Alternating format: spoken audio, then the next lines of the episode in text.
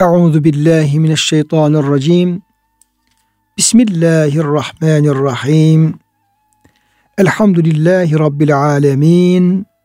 Ves salatu vesselam ala rasulina Muhammedin ve ala alihi ve sahbihi ecmaîn. Kıymetli dinleyenlerimiz, yeni bir Kur'an ışığında hayatımız programına başlarken bendeniz Ömer Çelik, Doktor Murat Kaya Bey ile beraber sizleri Allah'ın selamıyla selamlıyor. Ve siz değerli dinleyenlerimize hürmetlerimizi, muhabbetlerimizi, sevgi ve saygılarımızı arz ediyoruz. Gününüz mübarek olsun. Cenab-ı Hak hepimizin gönüllerini, yuvalarını, iş yerlerini, vatanımızı, ülkemizi, İslam alemini rahmetiyle, feyziyle, bereketiyle, güzellikler ve iyiliklere doldursun. Kıymetli hocam siz de hoş geldiniz. Hoş bulduk hocam. Afiyettesiniz inşallah. Elhamdülillah. Allah Rabbim size e, ve bütün ailenize sıhhat, selamet, afiyet versin inşallah. Muhterem dinleyenlerimiz, hocamla beraber bugün Ahzab suresinin 6. ayet-i kerimesinde Resulullah sallallahu aleyhi ve sellem Efendimizin müminlere olan yakınlığı, müminler olan düşkünlüğü konusunu ve Peygamberimiz sallallahu aleyhi ve sellem Efendimizin muhtereme eşlerinin, zevcelerinin ümmetin Müslümanların annesi olması konusunu ve mirasla ilgili olarak da akrabaların birbirlerine mirasçı olmasının Allah'ın hükmüne göre daha uygun olacağı konusu bu konuları ele alan Ahzab suresi 6. ayet-i kerime çerçevesinde sizlerle beraber olmayı ve o ayetten anladığımız kadarıyla bahsedip bahsetmeyi planlıyoruz. Cenab-ı Hak inşallah yaptıklarımızı da hatalarımızı bağışlasın. E, mükafatımızı da bol bol ihsan eylesin inşallah. Hem konuşanlara hem dinleyenlere. Ama burada konuşmak da önemli, dinlemek de önemli ama hepsinden daha önemlisi sonuç itibariyle orada Rabbimizin bizden istediği şekilde davranmak, o halle hallenmek. Ayet-i kerime En nebiyyü evlâ bil mu'minîne min enfusihim. O peygamber yani Hz. Muhammed Mustafa sallallahu aleyhi ve sellem Efendimiz müminlere öz nefislerinden kendilerinden daha evladır. Daha yakındır. Onları e, müminleri peygamberimiz kendine daha çok düşünür. Daha çok onlara ihtiyaçlarını karşılamaya çalışır. Her bakımdan peygamberin müminlere e, yakın olduğu, onları önemsediği bu dile getirilmiş oluyor. Ve ezvacuhu ummahatuhum zevceleri yani o peygamberin eşleri, hanımları müminlerin anne, anneleridir. Ve ulul erhami ba'duhum evlâ bi ba'din fi kitabillah. Minel müminin ve muhacirin. Akrabalar da Allah'ın kitabında yani Allah'ın kanununda, Allah'ın yazgısında birbirine diğer müminlerden ve muhacirlerden daha yakındırlar. Herhalde mirasla ilgili hocam burada evet. e, muhacir ve ensarın birbirlerine mirasçı olduğu veyahut da böyle bir e, durumu söz konusu olduğu Siyer'de evet. e, yaşanmış bir e, durum var. Ona ayet-i kerime atıfta bulunuyor. Ama onların geçici durumları olduğunu netice itibariyle miras ayetlerinin belirttiği şekilde akrabaların birbirlerine mirasçı olmasının daha uygun evet. ve yerinde olduğu burada belirtiliyor. Onun de, detayına gireriz inşallah. İlla en tef'alu ila evliyaikum ma'rufa ancak şu kadar var ki dostlarınız için herhangi bir iyilikte bulunmanız müstesna bunun yolunu kapatmıyor Cenab-ı Hak. Yani belki varis olmaz ama vasiyet yoluyla veya başka efendim ikram, e, ikram e, yollarıyla kişi diğer dostlarını da istifade ettirebilir, ikramda bulunabilir, vasiyette bulunabilir. Cenab-ı Hak da mirasın haricinde bu iyilik kapısının da açık e, olduğunu bildiriyor. E, kâne zâlike fil kitabı mestura işte buradaki bahsedildiği şekilde hususlar kitapta, Kur'an-ı Kerim'de böyle yazılmıştır. Levh-i Mahfuza'da böyle yazılmıştır. Allah'ın hükmü bu şekildedir. Kıymetli hocam burada ayet-i kerimenin mealini e, verdik ve peygamberimizden bahsediyor. Peygamber Efendimizin eşlerinden bahsediyor. Akrabaların birbirine mirasçı olmasından bahsediyor. Ama dostlarımıza, etrafımızdaki diğer bize varis olmayacak insanlara iyiliğin davet etmesi gerektiğinden Cenab-ı Hak maruf ölçüyle bahsediyor. Böyle bir ayet üzerinde konuşuyoruz ve bu konuşmaya devam ettireceğiz. Öncelikle böyle bir ayeti kerimenin inmesine acaba asli saadette sebep olan olaylar oldu mu? Neler oldu da böyle bir ayet geldi? İlla şart değil tabi. Evet. Yani her ayetin bir sebebiniz olması şart değil. Ayet evet. bize sebebiniz olmadan da ne güzel e, manalar ifade ediyor ve ne güzel şeyler anlıyoruz. Ama eğer böyle bir olay oldu da ayet geldiyse o olay, olayla beraber ayet tam zihnimize daha iyi oturmuş oluyor. Evet. Bakımdan e, dinleyenlerimize belki şunu da e, hatırlatmakta fayda var. Ayet-i kerimeleri sevim nüzulleri beraber okumak bir manada o ayetin e, iniş hikayesini, iniş kıssasını e, birlikte o insan zihninde çok kalıcı oluyor. Evet.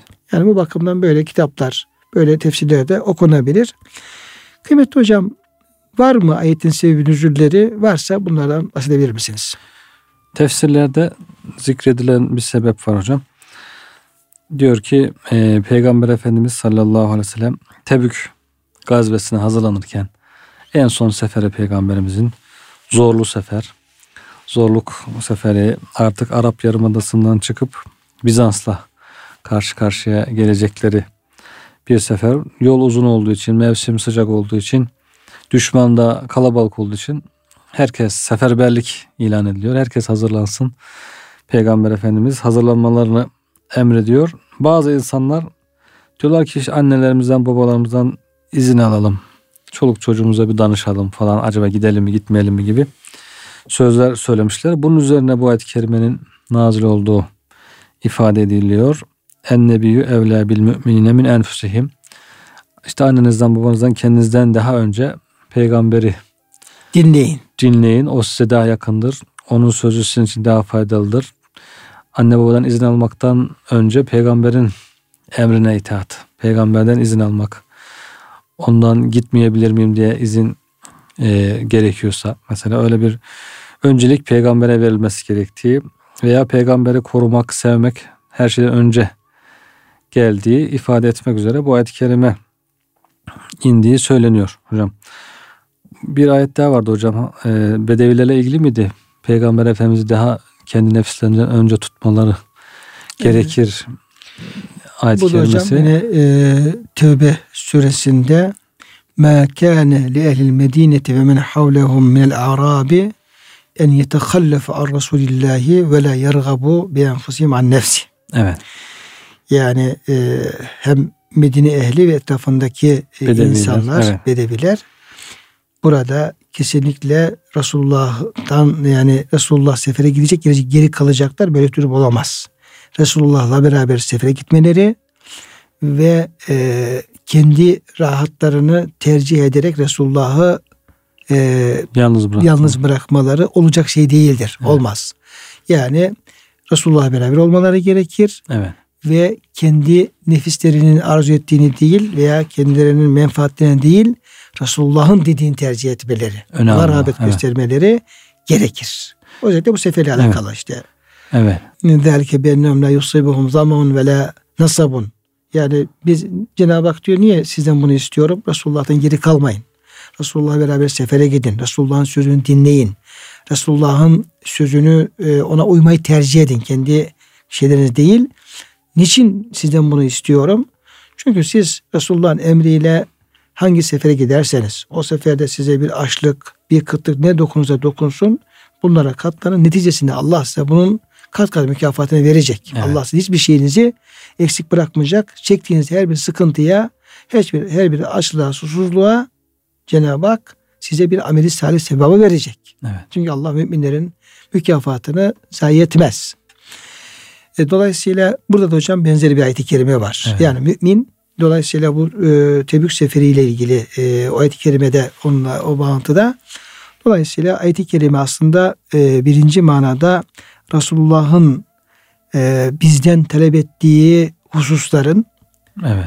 bizim e, kendi adımıza düşündüğümüz şeylerden e, daha faydalı olduğu. Daha faydalı oldu. Yani Evet. zahiren bak, bakınca sanki Resulullah'ın dediği bizim aleyhimizde kendi e, tercihimiz lehimizde gibi gözükebilir. Kendimizi biz daha çok koruruz. E, yani Zannediyoruz. biz kendimizi daha çok koruruz.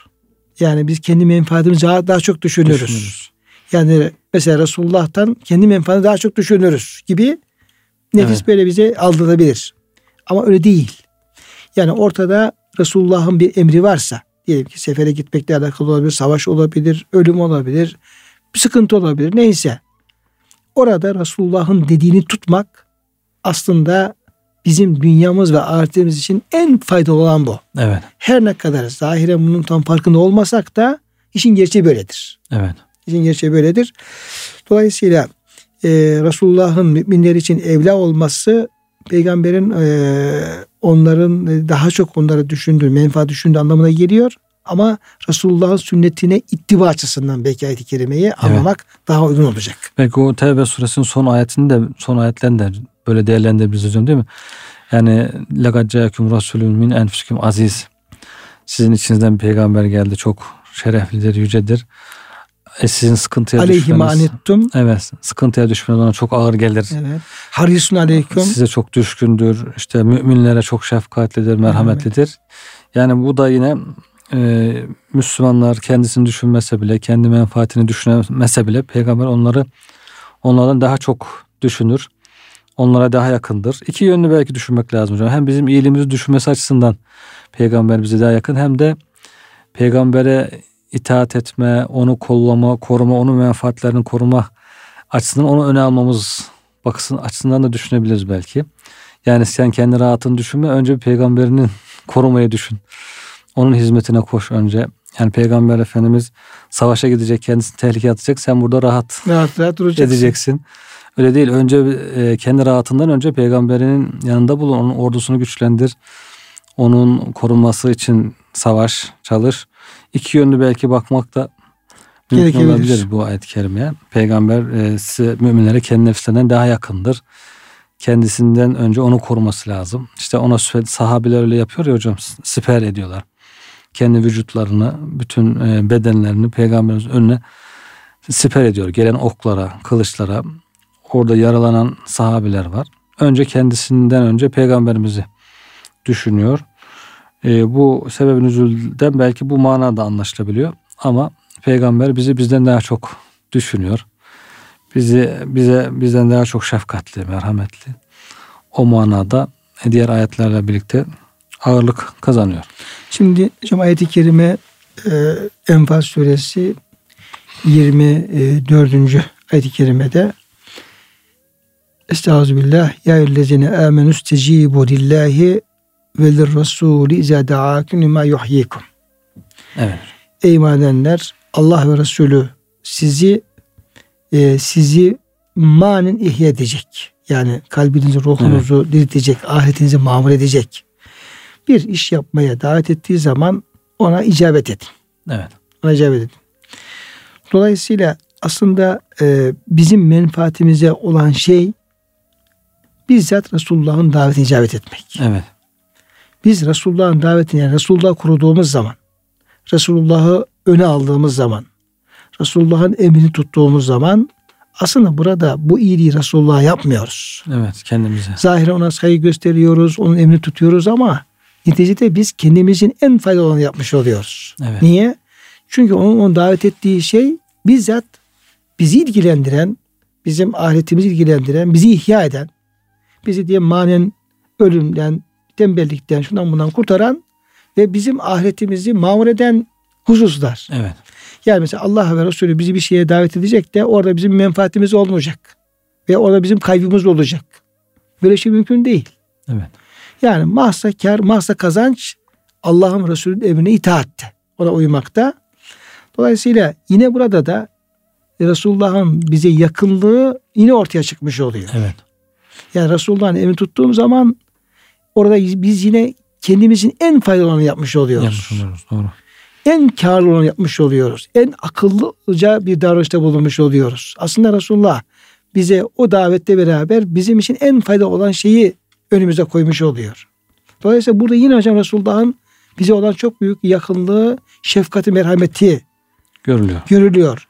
Yani işte ayet-i kerimedeki ve ma ersenneki de aleminde hocam bu anlamda biz diyor onu aleme rahmet olarak gönderdik. Nedir rahmet olan şey? E Cenab-ı Hak e, e, Allah Resulü biz yaptığımız zaman Allah'ın rahmetine ulaşacağımız, Allah'ın cennete ulaşacağımız ve e, Allah'ın azabından kurtulacağımız esasları bize getiriyor. Esas onun risaleti olan, rahmet olan risaleti. Mahsa rahmet. Dolayısıyla Allah Resulü'nün hangi sözünü tutarsak, hangi emrini tutarsak, hangi ne kadar ihtimam gösterirsek neticede biz efendim kendimize e, yapmış oluyoruz. Kendimizi e, kazancı için efendim onları Çalış, yapmış oluyoruz, evet. çalışmış oluyoruz. Dolayısıyla ayet-i kerime Resulullah'ın her türlü sünnetine, her türlü emrine, her türlü davetine tıpkı sahabenin yaptığı gibi fedake ebi ve ummi ya Resulallah anne, anam babam canım sana feda olsun ya Resulallah demeyi gerektirecek ve bizden bu şekilde Resulullah'a bir ittiba gerektirecek bir e, evet. ifade olmuş oluyor. Bir rivayet daha var hocam. O da sebebin üzüller arasında zikrediyor ama daha çok ayeti tefsir gibi. O rivayete göre de Peygamber Efendimiz sallallahu aleyhi ve sellem ilk zamanlarda bir cenaze geldiği zaman sorardı bunun borcu var mı diye. Yok borcu yok derlerse namazını kıldırırdı. Borcu var derlerse peki buna kefil olacak birisi var mı? Ödeyecek. Varsa yine kıldırır yoksa peki siz kılın kardeşinizin namazını der kendisi kıldırmazdı. Böylece borcun ne kadar büyük bir kul hakkı olduğunu da vurgulamak isterdi. Hiçbir Müslüman tabi peygamberimizin e, namaz kıldırmasına mahrum olmak istemiyor. Ayet-i kerime var. İnne salateke sekenün lehum diye. İşte senin namazın, duan onlar için bir sükunet, huzur kaynağıdır. Bu böyle bir şeyden e, fırsattan mahrum olmak istemiyor. Öyle olunca herkes mutlaka onun yakınları diyorlar ama bizim bu yakınımız Resulullah'ın namazından mahrum kalmasın diye borcunu üstlerine alıyorlardı. Peygamber Efendimiz daha sonra işte devlet e, ganimetlerle biraz daha zenginleyince, fetihler olunca bu sefer artık borcu var mıydı diye soruyor ama kim öder diye sormuyor. Borcu varsa ben öderim diyor. Malı varsa siz paylaşın, akrabalar paylaşsın buyuruyor. Diyor ki hiçbir mümin yoktur ki dünyada ve ahirette ben ona daha yakın olmayayım buyurmuş Efendimiz. İlk e, eğer istiyorsanız şu ayeti okuyun diyerek en nebi evle bil müminine min enfusim ayetini okuyun diyor. Ben dünyada da ahirette de her mümine kendisinden daha yakınım diyor ve hangi bir mümin mal bıraktıysa, bakıma muhtaç çoluk çocuk bıraktıysa onlara bakmak e, e, bana aittir çoluk çocuğuna. Borcunu ödemek bana aittir. Mal bıraktıysa malında mirasçıları paylaşsınlar diyor. Ben onun Mevlasıyım. Ben onun velisiyim. Yani peygamber olarak, devlet başkanı olarak o müminlerin velisi olduğunu, onun borçlarını ödeyeceğini, bakıma muhtaç olanlara çoluk çocuğuna, akrabalarına bakacağını e, söylüyor Peygamber Efendimiz. Bu şekilde onların borçlarını üstlenmesi ama mal mülkünü de varislerine bırakması bütün müminlere kendi nefislerinden daha yakın olduğunu, olduğunu gösteriyor. Gösteriyor Peygamber Efendimizin. Son uygulaması da bu o, şekilde olmuş. Yani İmkanlar. mesela tersi olsaydı hocam. Evet. Yani ne kadar malı mirası varsa getirin bana borcum borcu varsa ben karışmam Ödeyin. deseydi o zaman yani evlilik olmazdı hocam. Evet olmazdı. Evet onun orada büyük bir e, fazilet var. Büyük evet. bir fedakarlık var. Büyük bir e, o yükü e, taşıma var. Evet. evet ümmetin üzerine titreme söz konusu evet. burada. Bu rivayette e, bu ayet tefsir manasında peygamberimiz nasıl yakındır Müslümanlara nasıl onların velisidir bunu göstermiş oluyor. Evla kelimesinde velilik de var zaten velilik manası. Bir de hocam ayet-i kerimede bu e, nebiyyü evla bil müminine. Evet. e, diye kullanılıyor ve e, Resulullah'ın müminlere hangi cihetten yakın olduğu e, kayıtlanmıyor. Evet. Mesela evla bil müminine e, mesela onlara Borçlar açısından. borçların ödemesi. evet. İşte evla bil müminine onların diyelim ki işte hastalarını evet. tedavi etmesi. Evla bil müminine falan böyle yani borçtur, hastalıktır, ihtiyaçtır falan ilahiriyi bir kayıt getirilmiyor. Evet. Oradaki yani e, mutlak anlamda yani Evet. mukayyet değil mutlak anlamda bunun getirilmesi ne anlam ifade eder hocam? Yani herhangi bir konuda değil bütün konularda. Her hususta maddi, manevi insanların Dünya, ahiret, Dünya, maddi, ahiret, manevi. Maddi, her manevi konu, her, her konu. hususta Müslümanların Anladığımız, anlamadığımız. evet bildiğimiz bilmediğimiz her hususta çünkü sınırlama getirip tayin edilmemiş. Yani şu hususta denilmediği için e, ucu açık bırakıldığı için e, mef'ulü tümleci getirilmediği için bu her hususta peygamber müminlere yakındır manası veriyor. Evet. E, İkinci olarak da ayet-i kerimede ve ezvacuhu ummehatuhum. Evet. O peygamberin eşleri müminlerin anneleridir buyuruluyor. Tabi eşleri müminin annesi olunca insanın aklına acaba peygamberimiz de müminlerin babası oluyor mu? Çünkü ayet-i kerimede Evet. e, o konuyla ilgili açık bir şey yok ama e, sahabenin yapmış olduğu tefsire baktığımız zaman o bizde şahs kıraat diye geliyor kitaplarımızda. En nebiyyü evlâ bil müminine min enfusihim ve ezvâcu ummâtuhum ve hu ebun lehum. Yani peygamber de müminlerin babasıdır. Evet. Babası mevkindedir diye böyle e, kayıtlar var. Evet. Sahabe e, musaflarında. Dolayısıyla e, ayetin bu kısmı Resulullah'ın ümmetin babası olduğu yönünde bir mana verir mi? Böyle bir anlam anlayabilir miyiz? Evet hocam. E, hadiste var hocam o konuda hani abdestle ilgili temizlikle ilgili konuları anlatırken tuvalet nasıl yapılır nasıl taharetlenilir falan. Ben sizin babanız mevkiindeyim size her şeyi öğretiyorum diye Peygamber Efendimiz o şekilde öğretiyor. Manevi baba diyorlar ya ve hatta babadan daha ileri maddi babadan daha ileri manevi baba. Çünkü maddi baba dünyaya gelmemize sebep oluyor ama manevi baba ahireti kazanmamıza vesile oluyor. Tabi maddi baba aynı zamanda manevi baba da olabilir. O ayrı bir konu ama böyle bir ayrım yapacağımız zaman e, manevi babanın bize faydası daha fazla olduğu için daha ileri bir boyutta. Peygamber de bu manevi babaların en üstünde başında geliyor. Fakat tabii hocam onu yine e, izah etmeye çalışacağız.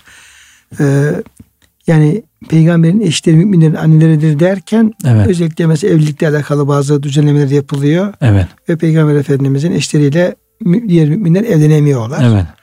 Dolayısıyla orada sadece manevi anne değil de aynı zamanda yani hukuken de bazı sonuçları olan bir annelik Evet. E, söz konusu oluyor ama Resul Efendimizin babalığı olunca herhalde orada Evlilik şey yok. Yani söz evlilik değil. söz konusu. Yani istediği bir ümmetinden kimsenin kızıyla evlenebilir Peygamber Efendimiz. Evli olmayan işte evlenmesi müsait olan birisiyle evlenmesine bir engel yok. Anne olması da e, hürmet, ihtiram ve nikah açısından Hı. annelik. Yoksa bakma işte yanına girme rahat bir şekilde o konularda da değil. Mesela bir ümmet e, ümmetten birisi akraba değilse nasıl olsa peygamberimizin hanımlar bizim annemizdir diye rahatça onların yanına girmeleri işte onlarla rahat bir normal bir anne evlat arasındaki evlat anne gibi şeyleri- yüz yüze görüşmeler, elini öpmeleri falan mesela bunlar söz konusu değil. Bu üç hususta ihtiram, hürmet, saygı ve bir evlilik. de evlilik, nikah konusunda nikahlanamıyorlar. Ama onun dışında e, yine yabancı bir kadın gibi perde arkasından konuşuluyor. E, bakamıyor işte mahrem e, kapatılması gereken avret mahallerine bakması yine söz konusu olmuyor. Bu hükümler ayrı. Buradaki annelik sadece saygı, tazim ve evlilik. nikah açısından. Peygamberimizin babalığında da e, saygı ve tazim Saygı, ve saygı. peygamberimizin onlara yakınlığı. Yakınlığı, Çünkü evlilik evet. noktasında herhangi bir Kısıtlama yok. kısıtlama söz konusu değil. Evet. Kıymetli hocam şimdi ayet-i kerimede bazı hususlar var. Biraz daha üzerine durmamız gereken. E, bunlar benim de çok dikkatimi çekerdi. Yani Resul Efendimizin o sözü yani sizden birisi vefat ettiği zaman e, borcu varsa o bana aittir. Yetimi varsa yetimi ne bakmak bana aittir. Mirası varsa akrabalarındır. Şimdi Efendimiz böyle buyuruyor. Evet. Yani daha önce o borcu olanların e, borcu ödeninceye kadar namazını kılmadığı halde nihai olarak daha sonraki uygulamada Efendimiz böyle bir e, şey e, uygulamaya geçiyor ve oradaki cenazenin işte borçlarını üstleniyor, yetimini üstleniyor, bakım muhtaç olanlarını üstlenmiş oluyor. Şimdi e, bunu Allah Resulü sallallahu aleyhi ve sellem bir Müslüman olarak, bir fert olarak mı bu şekilde bunu üstlenmiş oluyor? Çünkü Efendimiz aynı zamanda bir e, peygamberdi evet. ve o toplumunda lideriydi. Evet. O devletin başkanıydı diyelim. Her türlü oradaki bütün yetkili sorumlulukların sahibiydi Allah Resulü. Bunu bir devlet başkanı olarak, bir imam olarak veyahut da efendim e, yönetici olarak mı bunu üstleniyordu? Dolayısıyla ayet-i kerimeden şimdi her bir Müslüman bunu okuyunca her birimiz böyle bir şeyin altına girmeli miyiz? Yoksa bu devletin vazifesi, devletin evet. yapmalı mı demeliyiz? Evet. Daha çok herhalde burada e, devlet başkanı olarak bunu üzerine almış oluyor. Peygamber Efendimiz sallallahu aleyhi ve sellem. E, çünkü bir insan öldüğünde önce teçhiz, tekfin masrafları malından çıkarılıyor. Sonra borçları ödeniyor. Sonra vasiyetleri böyle bir sıralama var. Yani insan öldüğünde malı varsa kendi malından borcu ödeniyor. Yoksa öbür türlü her ölen benim borçlarımı devlet ödesin diyebilir yani malı olsa da olması da. Ama burada fakirlerden adam ölmüş e, ödemek niyetiyle de iyi niyetle de borç almış ama ödeyemeden vefat etmiş. Malı da yok ödeyecek. Yani mirasçıların ondan ödeyecek borçlarını ödeyecek mal da yok. O zaman fakir Müslümanların e, borçlarını devlet devletin Beytülmal'den ödemesi gerektiğini söylemişler bazı alimler. Çünkü Beytülmal'de zaten bütün insanların hakkı var. Bütün insanların hakkı var ama herkes hakkım var diye malı var olanın da borcunu devlet ödeyecek diye bir şey yok. Zaten e, matlulu ganiyi zulmün. Hocam öyle hadis-i şerif var ya zenginin borcunu ödemeyip uzatması zulümdür.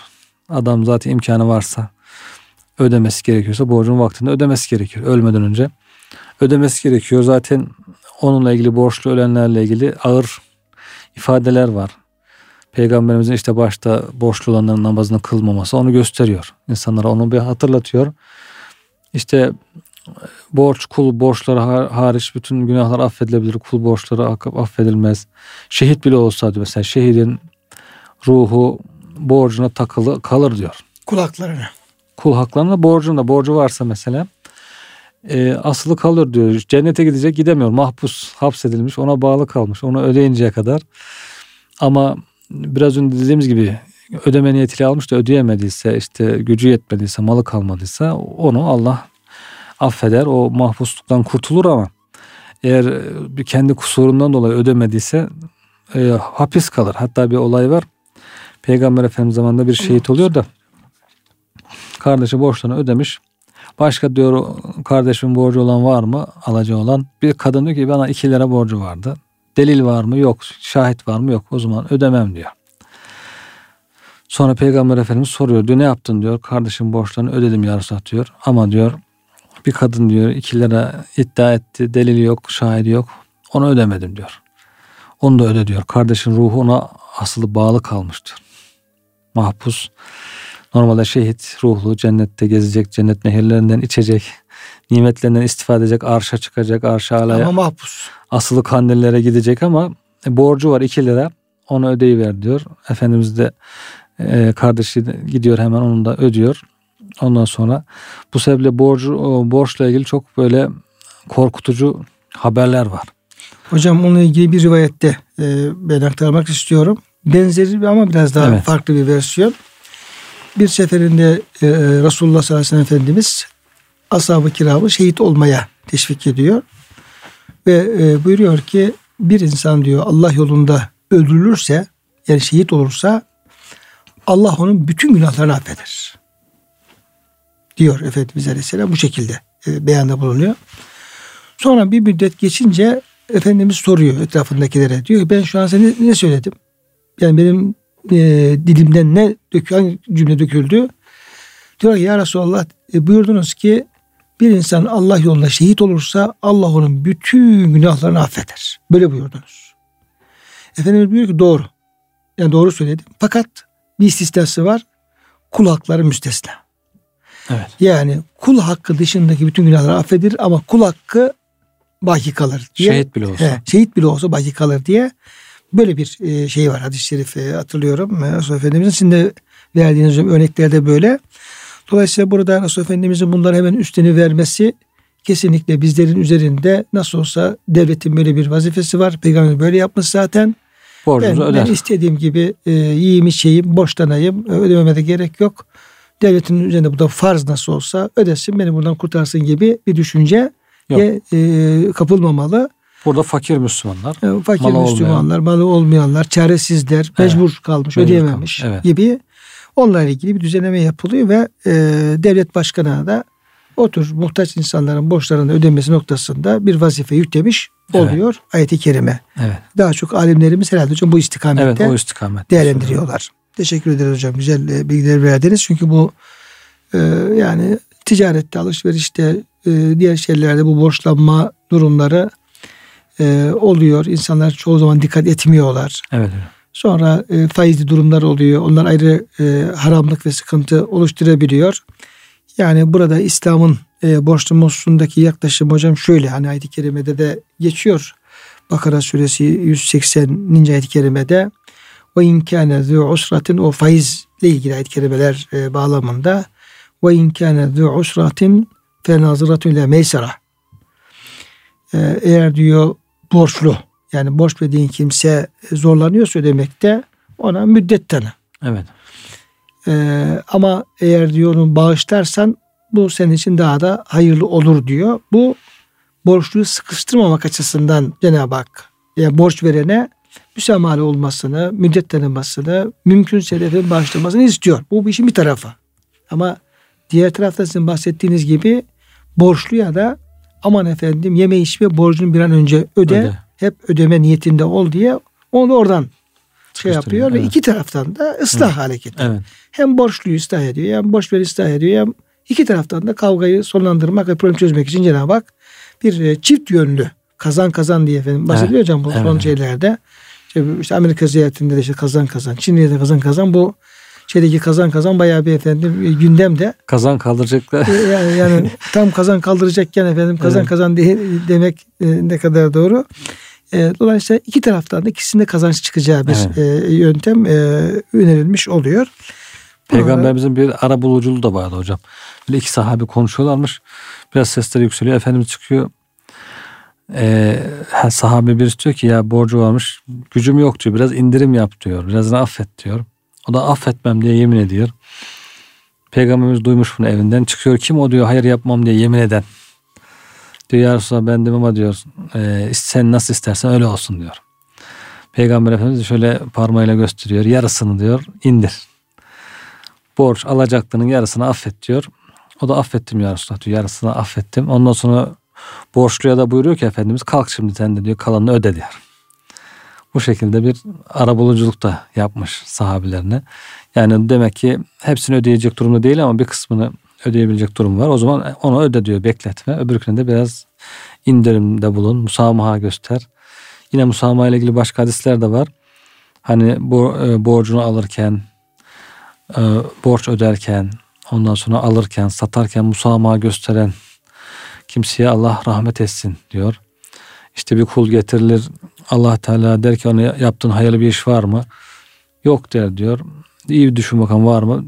Der ki ya ben adamımı gönderirken borçlu alacaklarımı toplamak için dedim ki git var alacaklıya eğer imkanı iyiyse al. Darsa musamaha göster veya affediver derdim diyor. Bö- Böyle bir iyiliğim Yani var. diyor. aracılık yapardım. Yani bu Aracılık da kendi alacaklarını toplarken hocam tüccar alacakları var. Adamını gönderiyor alacakları toplamak için. Diyor işte 3 kişi 5 kişi de alacağımız var. İşte durumu iyi olandan al. Durumu zayıf olan fakir olan da ya mühlet ver veyahut da affediver alma derdim. alacağımız diyor. Bir bu var yaptığım başka bir yaptığım hayır yok diyor dünyada. Cenab-ı Hak da biz diyor affetmeye daha layıkız. Sen madem benim kullarıma böyle kolaylık gösteriyordun, affediyordun. Ben de şimdi seni affediyorum diye o kulun da affedileceğini bildiriyor. İşte buyurduğunuz gibi iki taraflı hocam. Bir taraftan borcu ödemeye teşvik, bir taraftan da affetmeye, kolaylık göstermeye teşvik var. Kur'an-ı Kerim'deki hocam bu vela bir e, velayeti ulul fadlı minkum. Evet. Sizden fazilet sahipleri iyilik yapmayacağım diye yemin etmesinler ayet kelimesi var. Evet. Bir de velâten savul fadla beynekum. Aranızda fazileti davranmayı e, Unutma. unutmayın. Bu fazilet davranma da hocam yine bu al, al, alış alma vermeyle alakalı. Afla ilgili. Yani afla alakalı. Yani kişinin kendi alacağından bu yani orada biraz e, mihirden falan bahsediliyor ama Evet. neticede yine yani alman gereken bir şeyi affetmen. Evet. Kardeşler arasında hocam işte miras taksim ederken şu tarla daha kıymetli. Yok sen şunu aldın bunu. Öyle hususlarda herhalde tamam kardeşim. Tam böyle hocam. Yani bu alışveriş meselelerinde Evet. yani kişinin kendi hakkını e, alma noktasında Cenab-ı Hakk'ın bize şey yaptığı aranızda fazileti davranmayı ihmal Unutmayın. etmeyin, unutmayın. Kim kendi hakkından az ya çok vazgeçmeye başlarsa aslında faziletli olmuş oluyor. Evet. Dolayısıyla Hakikaten. bütün bunlarda hocam o fazileti elden bırakmamak e, gerekiyor ve bu da e, yani araları arayı ıslah etmenin Evet. ve o problemi çözmenin de en güzel bir yolu olmuş oluyor. Bugünlerde çok unutulan bir şey hocam. Bugünlerde çok çok hatırlatmak lazım belki. Alışverişte olsun işte hatta kardeşler arasındaki bu mal taksiminde bile olsa Yani insanlar kıran kırana hocam. kıran kırana gitmeye başladılar. Tam böyle, böyle herkes bencillik almış götür. Hiç kimse ben e, vazgeçmem hakkımdan diye. Halbuki aranızdaki bu faziletli davranışı unutmayın buyuruyor Cenab-ı Hak.